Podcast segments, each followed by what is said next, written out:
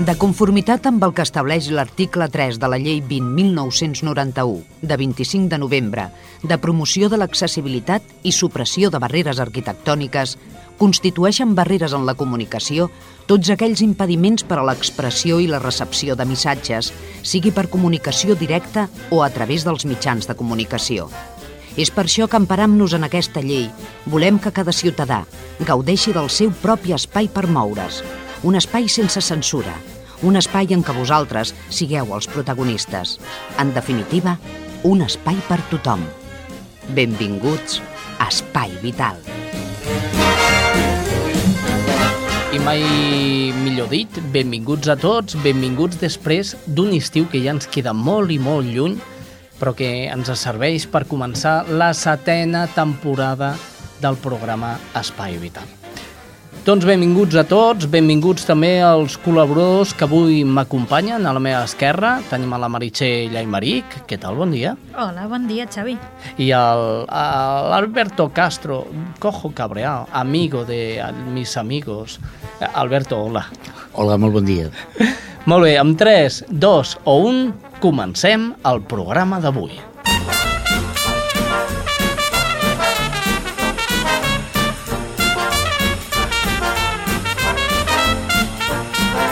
Espai Vital.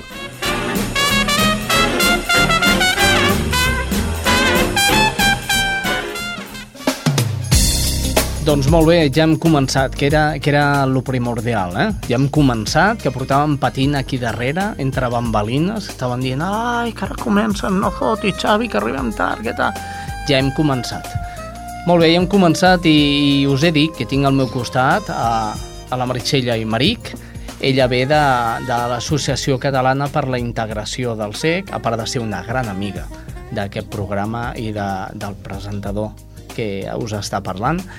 Eh, doncs ve aclarint-nos moltes coses i entre elles que està a punt d'haver unes eleccions, unes eleccions aquí a Catalunya i que per poder votar les persones que siguin cegues i vulguin demanar el vot en brall pues, pues han de passar per aquí, pues demanar-lo, no, Meritxell? Exactament, bueno, mm, moltes gràcies per convidar-me, Xavi. Home, que... tu saps que sí, jo contigo al fin del món. M'agrada venir avui perquè parlarem tot de bones notícies, eh? No estarem aquí donant canya com venim a vegades, allò, oh, no hi ha vot accessible, no hi ha no sé què, no hi ha... No, avui venim a parlar de coses que són fets i sí, efectivament és un fet que hi haurà unes eleccions que es van convocar fa molt poquet. Ha estat així com molt ràpid tot, però vam patir una mica perquè vam dir, ostres, ostres, el sistema de vot accessible està començant tard, però ja està habilitat el número de telèfon que les persones cegues poden trucar, com tu deies, mm -hmm. i poden doncs, eh, demanar aquest kit que, que tindran a la seva, al seu col·legi electoral, com a les últimes eleccions. I, bueno, sí, hi ha un telèfon que és gratuït, que és el 900 100 186. 900 100 186. Sí, exacte. I sobretot, sobretot, que tinguin clar que només es podrà demanar fins al 27 d'octubre, que això és molt important. Després ja no es podrà demanar, encara que estiguem en campanya i totes aquestes coses, però com que s'han de preparar els kits, doncs el dia final és el 27 d'octubre. 900 100 186, un telèfon important per demanar el vot accessible. Però, però doneu un moment, eh? Però, però, jo no, no vull emprenyar ningú, bon, bon, bon dia a tots, eh? Soc el, el Cojo Cabrel. Escolteu, eh, el 900 198, sí. aquest no té massa dígits. és que són nou, no? Escolti, no, no emboliqui la gent, que no és 198. No, és, 108, és 186. 186. 900, 186. No la liem, no la liem, és que perquè... entès 100, 186. No, no, no, no. Vale, vale, ara, ara, ara, perdoneu, si, eh? si els hi cal als oients, els hi tornem a repetir al final, eh? Però... 900, 100, 168. Mm, No? Escolti, vagi a prendre una camamilla i relaxis, relaxis. Ai, molt bé, doncs ja sabeu, el vot accessible que ja, ja, ja el teniu, que, que venen les eleccions. Eh. Mm, no sé, té alguna cosa a veure amb que Catalunya vulgui ser independent, no, aquí? Perquè, clar, jo ja em foto un lío amb tot Mm, em les eleccions, no, eh? sí o no? Eh, no? Em sembla que no, em sembla que no. Ja, de fet, la bona notícia és que serà la segona vegada que Catalunya, o sigui, a les eleccions autonòmiques de Catalunya es podrà votar amb un sistema de vot accessible. Mm, A les municipals no ho hem aconseguit encara, i les estatals i les europees sí però, i les autonòmiques doncs ja serà això, el segon cop, ja anem fent la roda, no? ja anem passant per segona vegada per totes les eleccions i bueno, esperem que funcionarà bé perquè l'altra vegada va funcionar bé, ho van demanar bastanta gent i esperem que aquest any ho demanin encara més gent. Eh, de, què, de què consta el kit del vot accessible? Doncs és un maletí eh, Té la senyorita Pepis, Sí, no? és una mica maletí allò... No, és, és un maletí molt fàcil d'utilitzar. De fet, en el telèfon t'expliquen molt bé com utilitzar-lo, però bueno, us expliquem aquí també que tu reculls en el teu col·legi electoral, arribes allà, t'identifiques i te'l tenen guardat doncs, el president de la teva mesa, te'l dona, t'han de donar un espai tranquil per fer-lo servir, un espai on, on ningú doncs, t'estigui allò controlant, perquè si no deixem a banda ja que sigui vot accessible i secret. I llavors en aquest maletí que és un maletí de cartró, que no pesa, que no és allò, no us imagineu un maletí tipus executiu. Eh, doncs a dintre tens tantes, tants sobres com candidatures hi ha. I aquests sobres, per exemple, hi ha doncs, el sobre del PSC, el sobre de CiU, el sobre de, no sé, d'Esquerra, el sobre de, del PP, de tothom, eh, de totes les candidatures que s'han presentat. Cada sobre està etiquetat en brall i a dins de cada sobre hi ha una papereta normal i corrent. Això què vol dir? Que tu miraràs el sobre que vols, extrauràs la papereta que t'interessa, que serà igual que les de tothom, perquè no es pugui distingir, i la posaràs dintre d'un sobre eh, de votació, que també està dintre d'aquest maletí. És un sobre normal, sense res en brall, perquè sigui igual el teu vot, i vas a votar. I ja està, no, hi ha, no, no és difícil. A més, hi ha unes instruccions també a dintre que t'ho expliquen tot. Unes instruccions en brall. Mm -hmm. Molt bé, i a part de la votació accessible, resulta que la gent que ho demani també tindrà la targeta sanitària en brall, que és una cosa que no, no és d'ara, sinó que ja eh, des de la SIC ja, ja ens ho veu comentar, que ja es va Mhm. demanar, ja es va aconseguir aquí a Catalunya, Sí, però ara ja és a nivell nacional. Sí, nosaltres, eh, bueno, a la que era una reivindicació que teníem, que la targeta sanitària... Bueno, de fet, demanem sempre que totes les targetes ho tinguin, però clar, eh, en algunes no ho podem aconseguir perquè són privades, no? Les bancàries i tot això eh, és més complicat. Però el problema que tenim les persones cegues i amb baixa visió és que tenim masses targetes al moneder entre tots i no sabem quina targeta és, és quina, no? I llavors, eh, la targeta sanitària vam demanar que estigués en brall, i a, a Catalunya es va aconseguir al final, l'any passat, ja les persones que vulguin ho poden demanar al seu CAP o poden trucar al telèfon de Sanitat Respon o bueno, trucar a la Generalitat i, i els informaran com fer-ho, però simplement és demanar-ho i ja està, que t'enviaran una targeta sanitària amb el teu número en brall i, i les lletres targeta sanitària. Però ara hem aconseguit que s'estigui redactant un decret que encara no està en vigor, però que en principi tot apunta que, bueno, potser en, en un mes o mes i pico, com a molt, estarà en vigor perquè totes les comunitats autònomes ho hagin de fer. Uh, és un decret estatal i llavors, bueno, exigeix uns mínims que la nostra targeta sanitària eh, catalana doncs, ja, ja compleix. I llavors, doncs, bueno, tothom, independentment d'on visqui de l'Estat, doncs, eh, podrà tenir aquesta targeta sanitària en brall i estem contents perquè també hem estat nosaltres que hem estat pressionant perquè això s'aconsegueixi. I s'ha aconseguit. I s'ha I aconseguit. s'ha aconseguit. Ja et dic que avui estic contenta perquè vinc a donar bones notícies, eh? I, i, i, I més notícies, perquè el metro de Barcelona, el metro, eh, primer de tot, la guia del metro, que ja està Sí. accessible totalment Mhm. per persones amb, amb discapacitat visual, Sí, i ara també els planells Sí. del metro de, de Barcelona ja estan en relleu i en Mhm. brall. Sí. Uh, bueno, hi ha, com tu deies, una guia que ja es pot demanar també des de fa uns mesos a les oficines de, de Sagrera, de plaça Universitat i de Diagonal. Crec que no me'n deixo cap. Uh, bueno, si no... Bueno, això es pot... mira, jo ho tinc aquí. Sants, eh, Universitat, Sagrera. Sí, Sagrada Sant- Família... Vale, sí, Mhm. mm. de família, sants... Bueno, les oficines, I diguem-ne, Diagonal. grans de, Sí. de TMB, eh, podeu anar allà i recollir una guia que és petitona, que es pot portar al bolso, és un llibret petitet, i, i dic això de petitet perquè moltes vegades les coses en brall són bastant voluminoses, però en aquest cas s'ha fet un disseny bastant curioset i petit d'una guia doncs, que, que explica, o sigui, en totes les línies, totes les estacions, i si fan transbordament, i amb quina línia, o amb Renfe, amb ferrocarrils, està molt i molt bé. Jo la tinc i la utilitzo i és molt útil. I per una altra banda, eh, ara s'han presentat uns planells en relleu que aquests encara no he tingut l'oportunitat de veure'ls, no els puc valorar, la veritat, però suposo que, bueno, doncs deuen estar bé. Ja n'hi havia hagut un fa molts anys i ara l'han renovat. I aquí sí que he de dir que, bueno, eh, la veritat és que l'altre dia es va fer la presentació i, bueno, TMB, doncs, en la seva línia una miqueta a les entitats que normalment lluiten per aquestes coses de l'accessibilitat al transport també i tot això, no ens va convidar i no hem pogut valorar-ho. Diguéssim, encara no, no, tenim, no tenim aquesta gran eh, sort d'haver-ho pogut, pogut veure i per tant no us puc dir si el pla no està bé o no està bé, si està on ha d'estar, si, és que no, no tinc la informació directa perquè ens hem enterat per la premsa.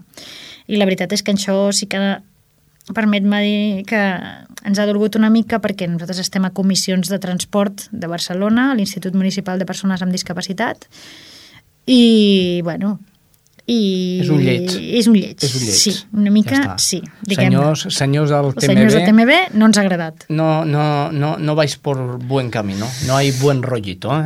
I, bueno, i ara, sí, ja que estem amb el transport, doncs dir que mm, una cosa que nosaltres portem reivindicant fa molt, molt, molt de temps, que és el tema de que la megafonia als autobusos funcioni bé, correctament. Ja hi ha hagut problemes amb la veu que hi havia perquè no s'entenia de res. I ara estan, bueno, després de molt matxacar, molt matxacar, sembla que estan canviant la veu. Ens agradaria saber si en els nous autobusos, perquè ara s'estan posant nous autobusos i noves línies de bus i hi ha tot un pla d'autobusos i tal, aquesta megafonia estarà bé o no estarà bé i els usuaris doncs tampoc ens han convocat, ni a les entitats. Llavors, bueno, mm, ho haurem d'anar a comprovar sobre el terreny i després igual ens hem de queixar, perquè clar, no s'ha comptat... És el que passa amb no comptar amb, els, amb la gent des del principi, que després si s'han de modificar coses és molt més complicat. Sí, senyora. Per cert, que jo haig de dir en el favor de TMB que... haig de dir que jo... mm, A veure, jo no m'esperava que els au- au- autobusos tinguessin també la parada. Eh, que diuen la parada, cada parada on arribes, eh, la veu et diu ha Sí. llegado usted a... Eh? Mhm, sí. Propera parada... Sí, sí, sí. No, o sigui, el tema és que eh, hi ha megafonia, el que passa que no en tots els busos i, i de fet és el que diem que s'ha posat una veu que en segons quins contextos de soroll no s'entén absolutament res. Llavors, clar, eh, bueno, ja hem aconseguit que canviïn aquesta veu, però no tenim clar que l'estiguin implementant mm, en els nous autobusos. I això és el que ens té una mica... Però bueno, ja veurem a veure si al final ho hem aconseguit o no, ja us ho vindrem a explicar. El cas és que ja està, estan havent canvis i en general sembla que per positiu perquè s'està tenint en compte l'accessibilitat en el metro, per lo que tu deies del mapa i tot això, i amb això sí que estem, estem contents. Bueno, doncs tres grans notícies, eleccions adaptades, el mapa del metro, que estarà també adaptat, uh Mhm. -huh. i les noves targetes sanitàries que qui vulgui i les demani Sí. les rebrà en brall. Sí. Mm? Doncs molt bé, Meritxell, mm, res, tres segons i de seguida tornem. Això és Espai Vital. Fa uns dies m'agradava la meva veïna. Ara, també. Fa uns dies em costava arribar a fi de mes. Ara també. Fa uns dies m'encantava anar al cine. Ara també. Fa uns dies em van diagnosticar un trastorn bipolar. Fa un segon, jo era la mateixa persona que ara, però tu potser ja no em veus igual. Per la salut mental, no a la discriminació. Sí a les persones. Obertament.org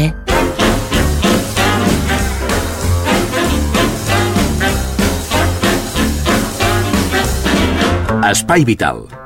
El primer programa adaptat de les zones.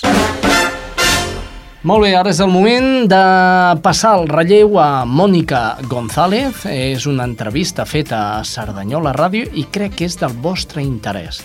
Escolteu-la amb atenció. L'Escola Bellaterra de Cerdanyola ha rebut el premi de l'associació FIAPAS, associació que atén a persones amb problemes auditius eh, per l'àrea d'educació que convoquen cada any. Per parlar-ne d'aquest reconeixement tenim amb nosaltres a la Mercè Calafí, l'Anna Hurtado i la Mara Pastor, que són logopedes i mestre d'audició i llenguatge. Molt bon dia a totes tres. Bon dia. Bon dia. Doncs, eh, com dèiem, eh, heu rebut a, a aquest premi. Eh, expliquem, si us sembla, començant eh, per parlar de què és FIAPAS i, i per què aquest premi. Doncs és una associació a nivell espanyol en què agrupa les diferents federacions d'associacions de pares i mares de, de persones sordes. I cada any aquesta uh, FIAPAS convoca una, un, bueno, una, una, una beca per un projecte. Un any és educatiu, un any és sanitari i un any és social. Cada tres anys és educatiu. I nosaltres ens vam presentar a la, a la, a la part educativa. Uh -huh. I el que vam fer va ser intentar recollir d'alguna manera uh, l'experiència de l'Escola Bellaterra durant aquests 10 anys que porta com a escola d'inclusió d'alumnes sords. Uh -huh. De fet, el, el títol és Anàlisi i avaluació d'una experiència d'inclusió de l'alumnat amb, amb sordera, no? Eh, bueno, que ja com dèieu, doncs ja porteu uns, uns anys a, amb aquesta experiència i exactament doncs això, expliqueu-nos una mica el, el contingut no? d'aquest treball, d'aquesta sí. experiència. Que, sí, el que vam fer va ser agafar una mostra de tota l'escola, de totes les persones i serveis que hi ha a dintre l'escola, des de la, tota la comunitat educativa, famílies, alumnes, serveis educatius, eh, mestres, tutors, malls, bueno, tot, tota la gent que intervenim famílies també, tota la gent que intervé d'alguna manera en el centre educatiu. I llavors vam fer uns qüestionaris sobre diferents aspectes doncs, de com veien la inclusió d'aquests alumnes a dins de l'escola i al llarg dels anys. I també demanàvem l'opinió eh, sobre diferents temes doncs, de com ha canviat l'escola a l'haver-hi aquests alumnes, eh, quines coses han millorat, quines, i, de, bueno, l'opinió sobre molts aspectes. I hem intentat reflectir l'opinió de tota la comunitat educativa doncs, de, de com ha anat aquesta experiència. Uh -huh.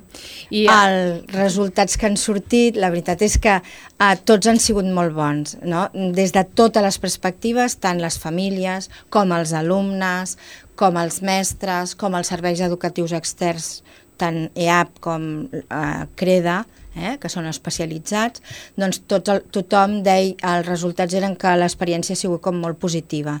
Eh, estan, en general, doncs, molt contents de, de l'evolució d'això. És veritat que hi ha molta feina, eh, que no sempre doncs, eh, és un, fàcil, però tot i amb això, doncs, la, el resultat final, al moment que estem ara, doncs, està, tothom està molt de gust. I aquestes conclusions són les que heu doncs, presentat amb la, explicant sí, una mica sí. l'experiència i m'imagino que quan et reconeixen no, aquesta, aquest treball, aquest esforç, suposo que la satisfacció ha de ser màxima, no? Doncs la veritat és que sí, perquè a part doncs, de que et reconeixen la feina de, durant molt temps i de molta gent, no només d'un... L'experiència la vam presentar com l'equip de logopedes i malls que estem a l'escola. Uh -huh. eh? Però, clar, és una, una feina de tothom, no només és de, de les persones que ho vam presentar-ho, uh, sinó de, de tothom. Eh? Llavors, reconèixer-ho des d'alguna manera des de dintre, però el fet de que hi hagi un reconeixement a, a nivell de tot l'estat espanyol, no? Doncs és una, bueno, és una molt bona notícia. Uh -huh. no? Expliquem una mica com va començar el treball de, de l'escola Villaterra, bueno, que coneguda com l'escoleta, eh? sí. amb, amb, els, amb, els, amb els nens sords. Doncs aquesta experiència va començar a l'any 2001. En aquells moments bueno, es va apostar des dels serveis educatius, el CREDAP i l'escola que estava d'acord, i va començar amb una logopeda en aquell moment, una mestra d'audició i llenguatge i tres nens. La cosa va anar augmentant de mica en mica i en aquests moments ja som dues logopedes fixes i tres mestres d'audició i llenguatge. I en aquests moments atenem a 15 alumnes uh -huh. que porten audífons i també porten implant coclear. La veritat és que mm, la feina és molt enriquidora. Com ha comentat la Mercè, intervé molta gent. Nosaltres hem de mantenir relació i coordinació amb molta gent perquè aquest projecte hagi pogut tirar endavant. També dic que hi ha les persones que estem ara, persones que han anat passant i que tothom pues, ha fet que això vagi creixent d'alguna manera. Llavors, el que és molt bàsic i cuidem molt és que els nens estiguin integrats dintre de l'aula i per això hi ha l'acompanyament que explicarà la Anna del treball que fa dintre de l'aula, però alhora també fem activitats que són específiques pels alumnes sords, com per exemple doncs hi ha un dia al mes que fem una trobada on hi ha tots els alumnes sords i les mestres d'audició i llenguatge i les logopedes, no? perquè puguin estar amb el seu grup d'iguals també, no? tenen el mateix dèficit i ells se reconeixen uh -huh. i també els hi dona una tranquil·litat veure que hi ha alumnes més grans, que hi han aconseguit més coses, hi ha altres de petits als que ells poden ajudar, o sigui que és una de les coses que més valorem molt positivament i els alumnes també estan molt contents. I m'imagino que el, el treball és important no amb els nens, amb els nens sords, però també amb la resta de nens, no? per al sí. tema de, de la inclusió, no? Mm. Mm. Llavors, per exemple, amb això que et deia, que hi ha activitats específiques, sempre hi ha un treball que es va fent que pel fet que hi hagi la mall ja s'adonen que, que hi ha uns nens que tenen unes necessitats especials, però sí que d'una manera cíclica es va fent el treball de què representa ser sort, què vol dir, quines dificultats tenen, com els podem ajudar. I això es va fent des de petits fins a gran, diferents modalitats, de vegades s'estudia o es presenta un treball més com més científic de què vol dir la sordesa, quines parts estan afectades, d'altres és més de emocional de dir què em comporta a mi tenir aquestes dificultats i, i com ho porto, bueno, es va fent. I després una altra activitat que hi ha específica per l'alumnat sord és que una vegada a l'any fem una trobada on ens trobem totes les famílies, tots els mestres que volen col·laborar dels alumnes sords. I sempre es presenta una experiència que els nens poden explicar als pares Ara, com tenim alumnes més grans, també és un moment que fem la despedida dels alumnes que marxaran a l'institut, per això normalment ho fem al juny, i aprofitem per donar la benvinguda als nens que començaran P3 al setembre. Llavors és un moment maco, és emotiu, i ja una mica l'esperem tots. No? Uh -huh. Expliqueu-nos això, com és, el, com és el, el dia a dia amb, amb aquests nens a les classes, perquè clar, bueno, suposo que bueno, la teoria està molt bé, no? però la pràctica no ha de ser tan, tan fàcil sí. no? i tan senzilla, és el que mm. dèieu abans, no molta feina. Com és aquest, aquest dia a dia? Ells, han, pel fet d'estar aquí a l'escola, ja ho han comentat la, la Mari i la Mercè, tenen la figura de reforç de la mestra audició i llenguatge. Mm. Actualment som tres mestres d'audició i llenguatge, que ens hem repartit per l'escola. Hi ha una que està al cicle infantil, jo que estic a cicle inicial perquè hi ha molts nens en aquest cicle i una tercera, una tercera mall que està a cicle mitjà i superior. Aleshores, la nostra feina és, eh, depèn també una miqueta del cicle, eh, però seria eh, començar per una adaptació de, del nen al grup, a les dinàmiques d'aula, de, d'escoltar, d'hàbits de treball, de sensibilització dels, dels altres nens també cap a ell, uh -huh i després, doncs, a mesura que es va fent gran, és anar-lo fent-li un reforç de, de dintre de l'aula perquè ell sigui capaç d'anar seguint tots els continguts. I llavors aquest reforç pot ser, depèn del, del nivell de llenguatge que tingui cada nen, doncs eh, un suport puntual de, de un reforç d'un contingut que no li ha quedat clar o d'elaboració de material visual perquè pugui entendre el que s'està fent, de, en algun cas mm, se'ls ha de treure fora de l'aula, per exemple, sobretot a cicle inicial, quan comencen la lectoescriptura, que és un, és, una, és un pas important que ha de quedar molt ben assolit, doncs aquí, en els nens que, que ho necessiten, se'ls treu fora de l'aula per fer-los aquesta empanteta. Uh -huh. I després a cicle, super, a cicle mitjà i superior, també, si, si en algun moment cal treure's de l'aula, doncs se'ls treu per reforçar sempre continguts de dintre de l'aula i aleshores doncs és això, estar sempre al seu costat i, i anar-li anar-li com explicant les coses importants que estan passant a la classe. M'imagino que també per als pares, per a, per a ells, començant pels nens, i per als pares i per a les famílies, suposo que és molt important no, que, que els nens puguin integrar-se no, amb aquesta normalitat, entre cometes, perquè ja sabem que això de la normalitat és molt qüestionable, no? Eh, bueno, com ho viuen aquestes famílies i com ho viuen el, els nens? Els nens ho viuen molt bé. Ells estan encantats d'estar en una escola on, on hi ha nens oients i on hi ha nens sords també. Els hi agrada les dues coses, no? Perquè si estiguessin només amb oients també se sentirien una miqueta estranys, no? I aleshores és el que comentava la Mar de, de l'igual, no? De que hi ha nens sords que també mm, que han aconseguit coses que jo també aconseguiré si segueixo treballant, no? Per tant, els nens estan encantats. I les famílies, pel que hem vist en aquest, en aquest estudi, també estan molt contentes perquè, perquè veuen que allò que un dia va ser una notícia bomba per ells doncs, eh, està, està avançant i s'està normalitzant i, i s'estan posant s'estan posant a, a nivell, no? Uh -huh.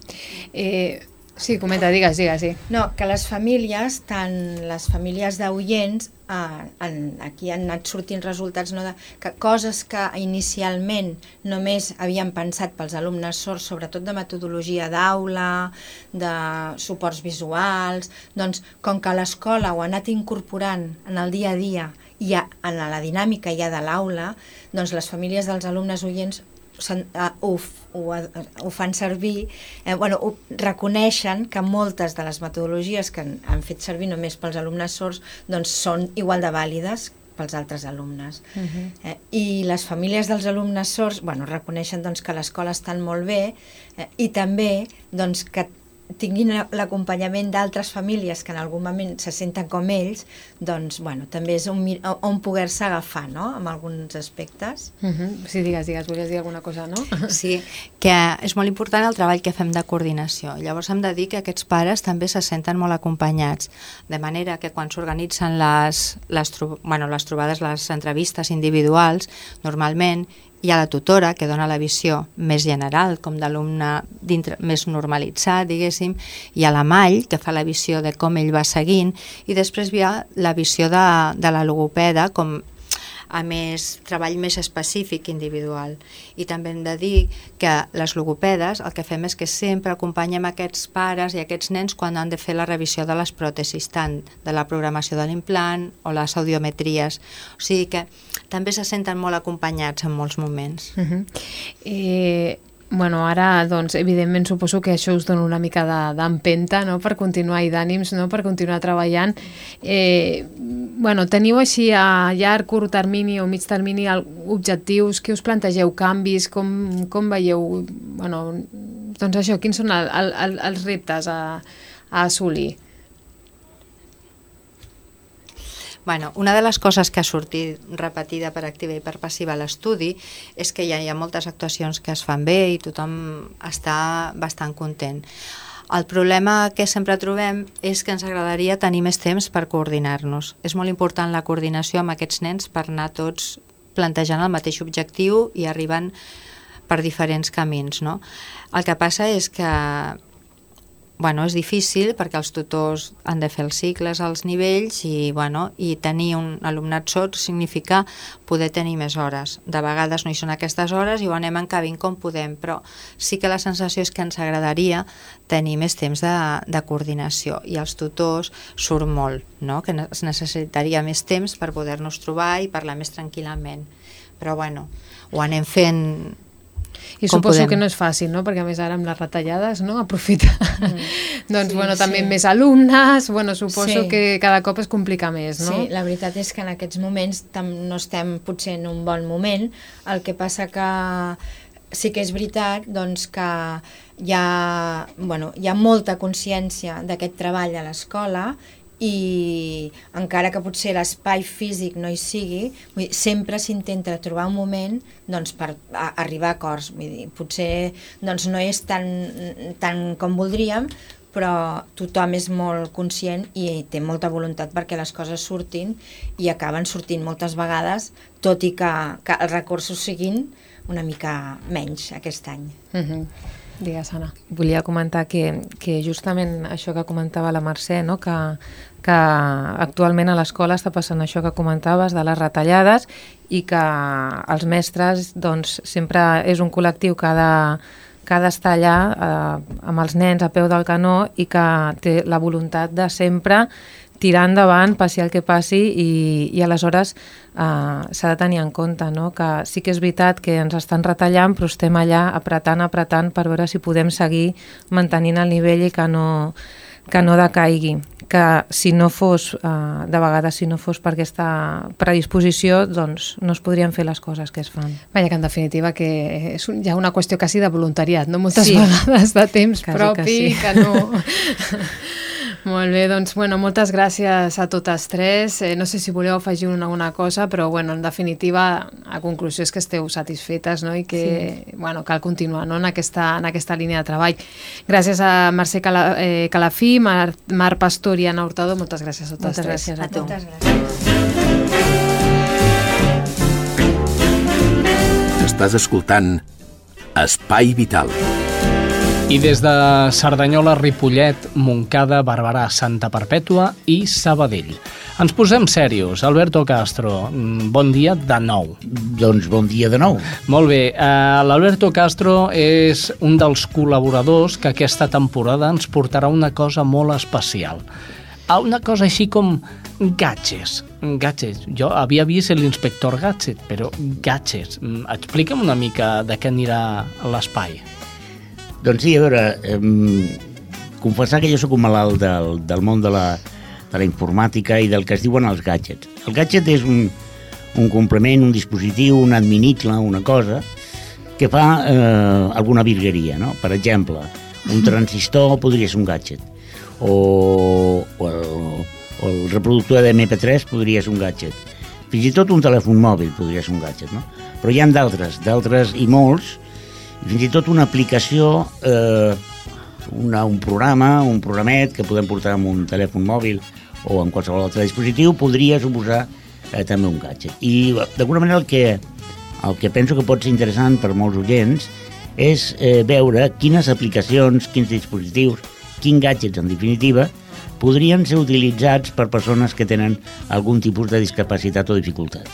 Ah, doncs l'espai gadgets com el titularem?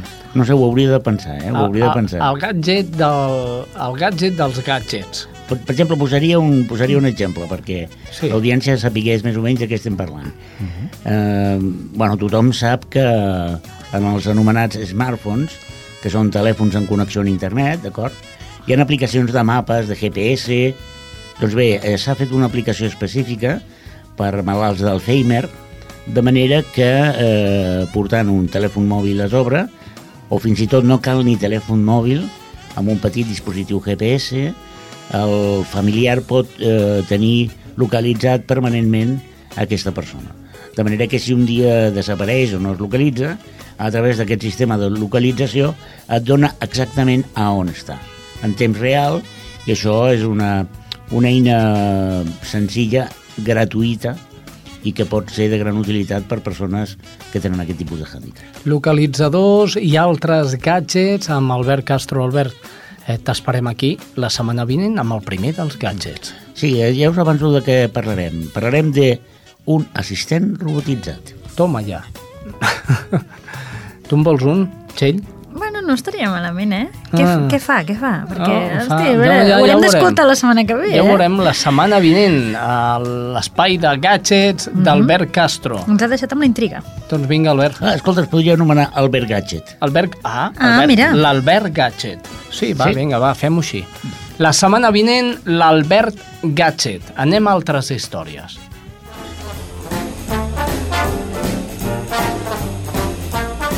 Això és Espai Vital.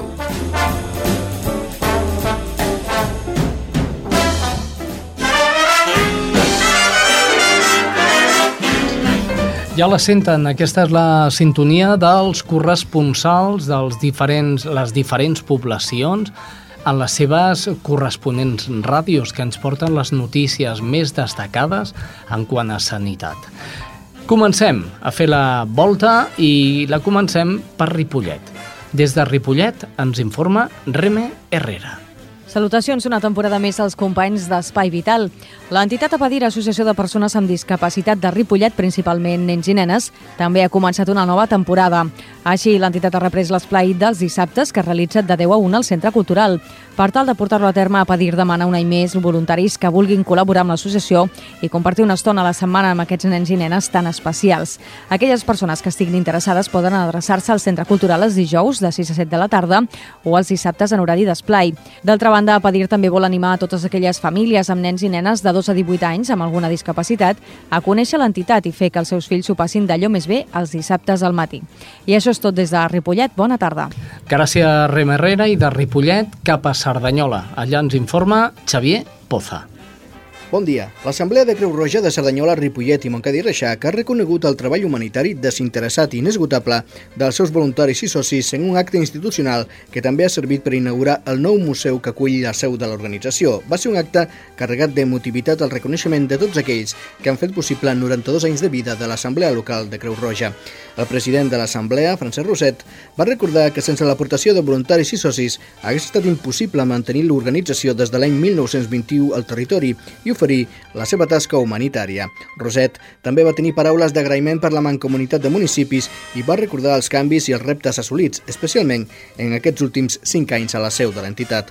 Un dels últims canvis de la seu, situada a l'Avinguda de la Creu Roja, és la creació d'un museu en el que, a través de documents i material divers, es pot repassar la història de l'Assemblea local. L'exposició ja l'han pogut visitar alguns estudiants i la idea és mantenir-lo obert per tota la ciutadania.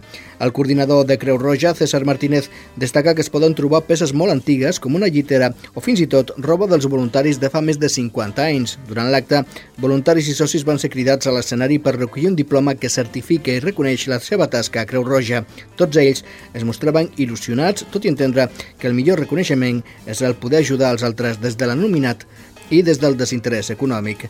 L'alcaldessa de Cerdanyola, Carme Carmona, recordava durant l'acte la commemoració del 50è aniversari de les riuades de 1962, en els que també van contribuir voluntaris de la Creu Roja rescatant víctimes i ajudant a aixecar els pobles afectats. Avui les víctimes, deia Carmona, són unes altres, les víctimes de la crisi que també necessiten l'ajut i el suport d'organitzacions com Creu Roja. A l'acte també hi van assistir l'alcalde de Ripollet, Juan Parralejo, i la de Montcada i Reixac, Maria Elena Pérez, al costat del president provincial de Creu Roja, Josep Quitet, que recordava la gran quantitat de persones que han passat per l'entitat i que han contribuït contribuït a tenir la Creu Roja que avui coneixem. Això és tot des de Cerdanyola Ràdio. Moltes gràcies, Xavi Poza. Des de Cerdanyola anem corrents cap a Montcada. I a Montcada Ràdio eh, la persona que hi ha és la Sílvia Alquezar. Salutacions des de Montcada Ràdio a l'Espai Vital. Aquest diumenge Montcada i Reixac celebra el Dia Internacional de l'Envelliment Actiu i la Solidaritat Intergeneracional i ho fa amb l'organització de diversos actes promoguts per les tres associacions de gent gran de la nostra ciutat amb el suport de la Regidoria de Participació Ciutadana de l'Ajuntament. La commemoració de l'efemèride s'emmarca dins la segona edició de la mostra d'entitats del municipi, que es fa també diumenge davant del pavelló Miquel Poblet i que servirà per donar a conèixer l'ampli teixit associatiu que existeix a Montcada i Reixac. Els participants del Dia de l'Envelliment Actiu protagonitzaran una exhibició de Tai Chi a partir de les 10 del matí i una caminada popular fins al sector de Masduran, a Marrampinyo. A la tornada, al voltant d'un quart de 12, es farà un esmorzar col·lectiu i la lectura d'un manifest del Dia Mundial de la Gent Gran. Enguany, l'escrit tindrà un marcat to reivindicatiu perquè la gent de més de 65 anys també vol dir la seva sobre el que està passant amb els bancs, el sistema públic de salut i els desnonaments per impagament d'hipoteques. Convidem, doncs, la gent gran del Vallès a participar en aquesta jornada on la gent gran serà la gran protagonista. Això és tot des de Montcada Ràdio. Moltes gràcies, Sílvia Alquézar, per la teva informació. I de Montcada ens anem a Barberà. I a Barberà hi ha la Judy González. Salutacions a Ràdio Barberà. La salut també va ser present a la novena edició de la Fira del Comerç de Barberà del Vallès. Entre les activitats del cap de setmana, els assistents van poder gaudir el dissabte de la xerrada Metges de Món. Ja diumenge va ser el torn de la conferència Yoga per embarassades a càrrec del centre El Teu Espai. I el mateix dia, i més centrat en l'àmbit esportiu, es va poder aprendre els beneficis de les arts marcials pel nostre cos. D'aquesta manera es reflexa que molts dels comerços de la nostra ciutat es preocupen per la salut i el benestar anímic i físic de la ciutadania. Des de Barberà és tot. Fins la setmana vinent. Gràcies des de Barberà. Ens en anem cap a mm, Santa Perpètua de la Moguda. A Santa Perpètua de la Moguda m'estic rient perquè, perquè és que entre el tècnic i jo hi ha una comunicació intensa i, i em vaig xivant els noms. Eh, em sembla que em diu que és la Marta Hiraldo. Doncs som-hi amb la Marta. Bon dia. Amb el lema Ho farem junts, la Fundació Banc dels Aliments, l'Obra Social La Caixa i la Taula Social contra la Crisi fan una crida a la Societat de Santa Perpètua amb l'objectiu de sumar 200 voluntaris per dur a terme la campanya solidària al Gran Recapte que tindrà lloc els dies 30 de novembre i 1 de desembre. Aquest any l'objectiu és aconseguir recollir en el nostre municipi 20.000 quilos d'aliments bàsics ja que s'han agreujat la situació econòmica i cal abastar totes les necessitats segons ha explicat responsable responsables del Gran Recapte 2012. Des del 27 de setembre, la ciutadania es pot fer voluntària a través del Facebook i a l'adreça de correu electrònic granrecapte2012 santaperpetua.gmail.com. Els organitzadors han explicat que necessiten més que mai augmentar el nombre de voluntaris per cobrir el màxim de punts de recollida possibles arreu del municipi i recorden la importància d'actuar en el marc d'aquesta tasca solidària. Això és tot des de Ràdio Santa Perpètua. Gràcies, Marta, Marta Hiraldo. Anem ara ràpidament cap a Ràdio Sabadell. Allà es troba la Núria Brugues. Salutacions des de Sabadell. L'associació TDH Vallès, que agrupa afectats pel trastorn de dèficit d'atenció amb i sense hiperactivitat i les seves famílies, ha celebrat aquesta setmana diferents activitats de la cinquena setmana europea del TDH, és una commemoració que s'organitza simultàniament des del 2008 a diferents països del món. L'associació TDH Vallès i l'Ajuntament han signat també un conveni de col·laboració per millorar el protocol d'atenció dels nens amb trastorns de dèficit d'atenció. L'entitat es compromet a tractar fins a una desena de pacients que puguin ser diagnosticats des de serveis socials en risc d'exclusió social i a formar al màxim a educadors per tal que detectin els símptomes d'aquesta malaltia. Des de l'entitat alerten que han començat a detectar casos de famílies que no es poden permetre la despesa de 150 euros mensuals de mitjana que costen els medicaments per als seus fills diagnosticats d'aquest trastorn.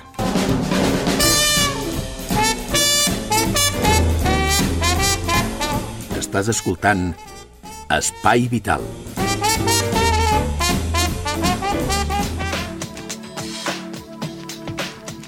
Escolta, escolta, peu, peu, peu, peu, peu, peu, peu, perquè jo m'estic morint de gana i, i, i a mi m'agradaria, em fa molta il·lusió, eh? Molta il·lusió perquè des de les genties a mi m'agraden i si són monàstiques encara més. Ai, sí! Anem a escoltar a, les, a, la, a, a la Conxita Naudi que ens parlarà d'unes genties moracals. Escolta tu, però que és la pena. Eh? Escoltem-la, doncs. Va, som-hi.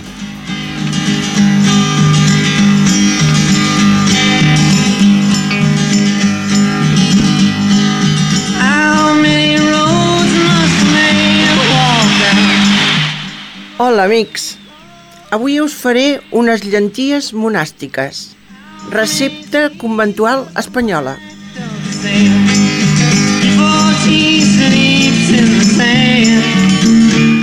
Mireu, els ingredients són per 4 persones.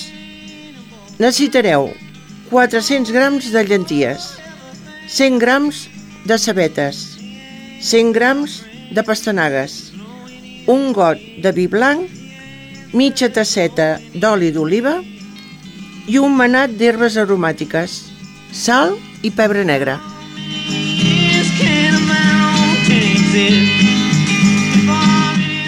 A la preparació, en primer de tot, eh, courem les llenties amb aigua i sal.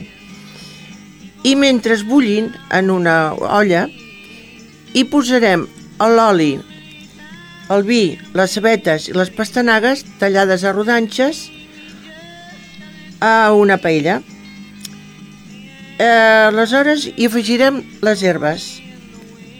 Les deixarem que vagin fent i una vegada les verdures estan al seu punt, les afegirem a les llenties i deixarem que s'acabin de coure tot junt molt a poc a poc.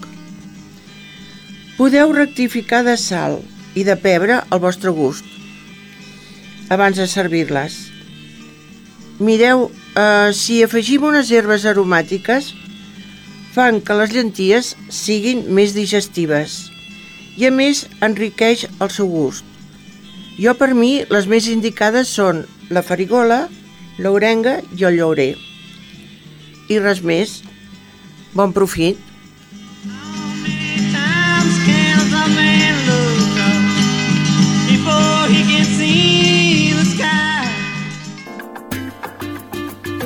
Què us han semblat, les llenties? Fantàstic. Bones, bones. Ara de cara a aquest temps ja que començarà a fer una mica més de fresca.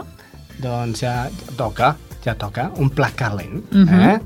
Doncs molt bé, hem arribat a, al final del programa d'avui, però abans d'acomiadar-nos voldria que mm, la pròpia Meritxell Aymeric no només ens parli de adaptació a la, a la discapacitat visual, sinó també que ens parli de música, i de música que, que, que ella mateixa escollirà, que, que no sé si el tècnic la tindrà, eh, Meritxell, però tu, tu digues quin tema vols i el tècnic ja em dirà alguna cosa. Ah, puc escollir una cançó per acabar el programa? Però, Què, què estic dient? Ah, però està Meritxell? molt bé, això.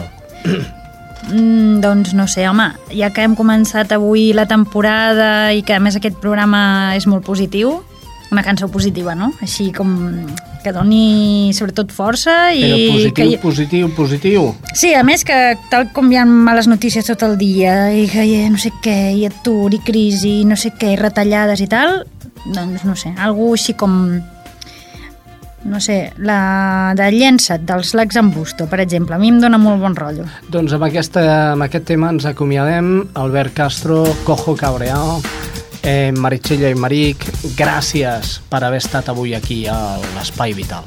I tornem la setmana vinent. A vostès, no ens perdin d'oïda.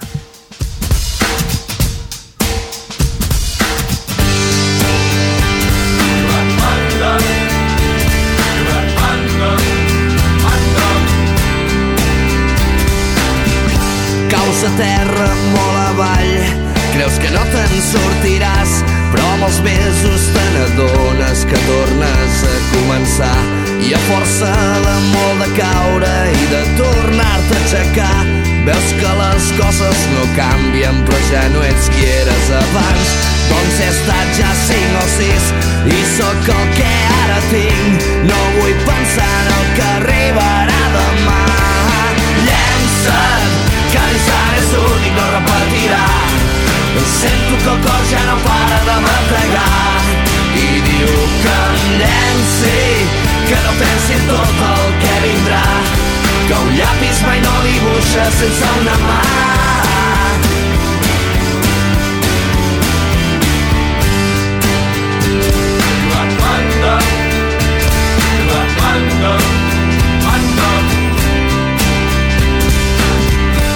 Perquè els meus pensaments que sempre viuen en present no conjuguen altres temps que el ja faré el que no vaig fer.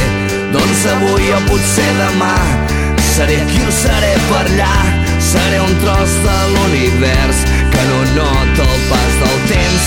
El que faig a cada instant és la força que em fa gran. No vull pensar en el que arribarà demà. Llença't que ara és únic, no repetirà. Sento que el cor ja no para de bategar i diu que em llenci, que no pensi tot el que vindrà, que un llapis no dibuixa sense una mà.